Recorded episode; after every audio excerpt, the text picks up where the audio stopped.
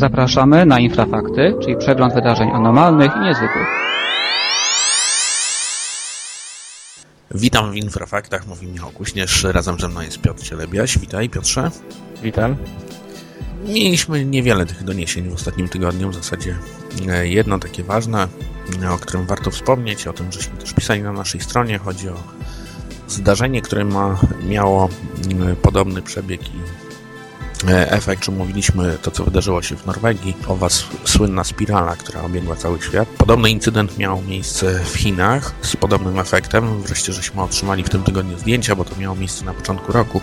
Z tego co pamiętam, tam też doszło do e, testu rakiety, z tym, że tam z, jeśli dobrze pamiętam, to chodziło o testowanie jakiegoś takiego rodzaju chińskiego systemu Patriot, czyli o zastrzelenie e, jednej rakiety przez drugą, ale to wywołało efekt e, właśnie w postaci e, takiej niebieskiej poświaty. Prezentujemy to na naszej stronie, na zdjęciach. No i oczywiście w pierwszych relacjach znowu mówiło się o obserwacji UFO. Później żeśmy otrzymali potwierdzenie, że to chodziło o testowanie chińskich rakiet. No, Piotrze, jak, co możemy o tym powiedzieć? Bo ostatnio żeśmy mówili parę razy o doniesieniach z Chin i tutaj e, też się pojawiły właśnie doniesienia i też, e, znaczy nie do końca pokrywające się w czasie z tymi testami rakietowymi, także być może jednak też zaobserwowano coś innego.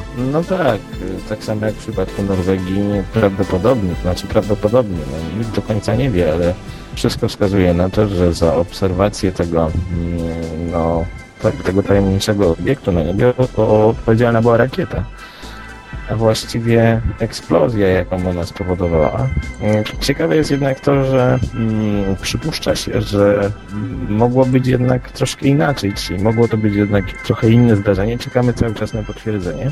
Natomiast tak jak w przypadku Norwegii, jak powiedziałeś, od razu pojawił się głos o UFO. Mhm. Ci widzieli to, ci widzieli tamto. To znaczy w przypadku Norwegii ten ten obiekt był bardziej spektakularny, bo miał taką formę rzeczywiście jak, jak z filmu science fiction, natomiast tutaj mieliśmy do czynienia z czymś chyba troszkę mniej spektakularnym, ale równie ciekawym.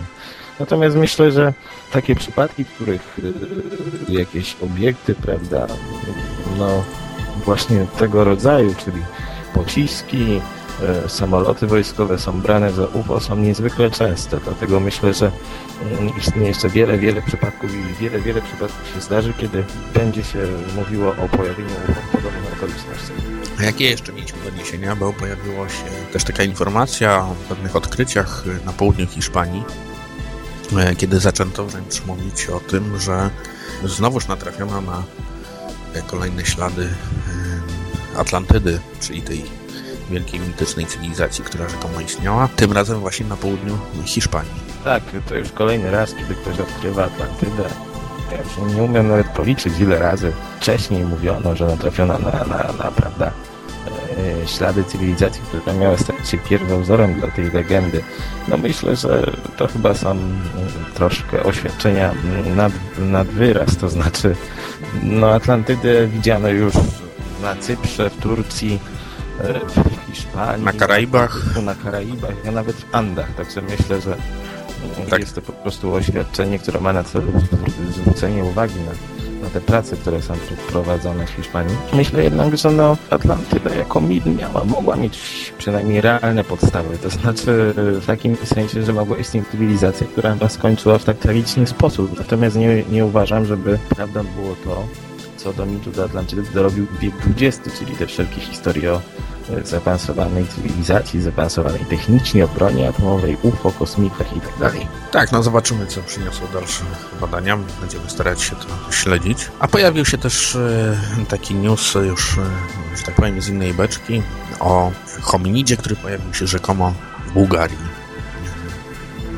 Zaczęło krążyć po internecie zdjęcie i okazało się, że to zdjęcie jest, pochodzi sprzed y, kilku lat i wiązało się z pewną kampanią reklamową swego czasu prowadzoną. Część ludzi wychwyciła to właśnie jako e, e, autentyczne zdjęcie Yetiego i to w Bułgarii, co jest, też takie dosyć dziwne, ale e, przypomina mi się od razu historia Yetiego w Tatrach. Pamiętasz o tym, e, co, z czym mieliśmy do czynienia pod koniec tamtego roku?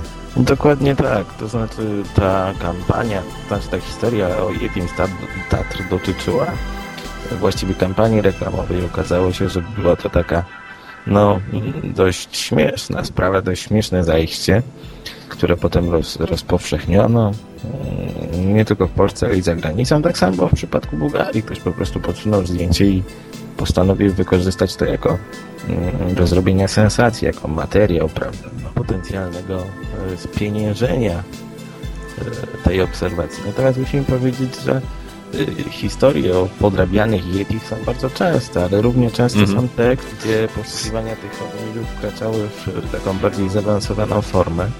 Nie pamiętamy chociażby ubiegłoroczne poszukiwania y, takich małpoludów w obodzie kemerowskim w Rosji, kiedy y, mówiono, że one się tam pojawiają. Niestety nic nie znaleziono, ale takich poszukiwań było wiele, wiele. No rzadko natrafiano na coś, co mogłoby być dowodem na to, że takie stworzenia rzeczywiście gdzieś istnieją. Natomiast na pewno, jeżeli można ich gdzieś poszukiwać, to one ukrywają się na pewno z dala od cywilizacji, na pustych przestrzeniach. Ja myślę, że Europa nie jest najlepszym miejscem dla tego typu istot. No kto hmm. wie, być może rzeczywiście kiedyś trafimy na jakieś dowody, bo na razie o nie bardzo trudno. Mm, są to rzekome zdjęcia, prawda, ale wiadomo, że najlepszym dowodem byłoby ciało takiego stworzenia. Tak. No nic, no w każdym razie my trzymamy rękę na pulsie. Zawsze śledzimy wszelkie doniesienia na tym polu. I jak tylko coś się ciekawego pojawia, o tym piszemy. No właśnie, może powiedzmy parę słów o tych najnowszych artykułach, które się e, pojawiły na naszej stronie, bo mamy tutaj e, innymi raport e, Arkadiusza Miazgi o spotkaniach z UFO nad Bieszczadami w Polsce.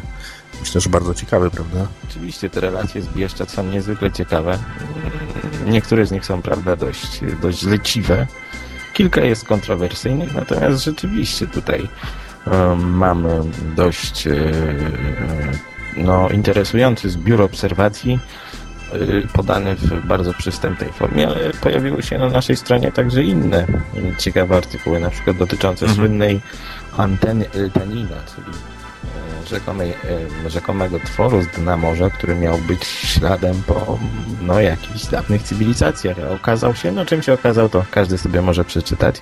Natomiast tak. jeszcze pojawił się ciekawy artykuł o Diables Devon. To jest dość oklepana historia, często podawana za wzór takiej, takiej taką klasyczną historię nie wyjaśniają. No, my podajemy alternatyw pojawienia się śladów, które no nie tylko pojawiły się na przestrzeni wielu kilometrów, ale też no w jakiś sposób y, pojawiły się w miejscach najbardziej niedostępnych. Mm -hmm. Tak, e, a z kolei e, w przyszłym tygodniu szykujemy też e, ciekawy artykuł, który się ukaże tym razem pióra pana Mariusza Wrockowskiego. Myślę, że ciekawa historia o latającym trójk trójkącie, tak?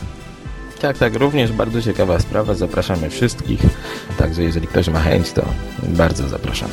Tak, dziękuję Ci Piotrze. W takim razie zapraszam za tydzień do kolejnego przeglądu wydarzeń z Polski i ze świata. Dziękuję Piotrze. Ja również. I do usłyszenia za tydzień. Dzięki. Wysłuchaliście programu Michała Kośnierza i Piotra Cielebiasia, realizacja Grupa Infra dla Radia Wolnego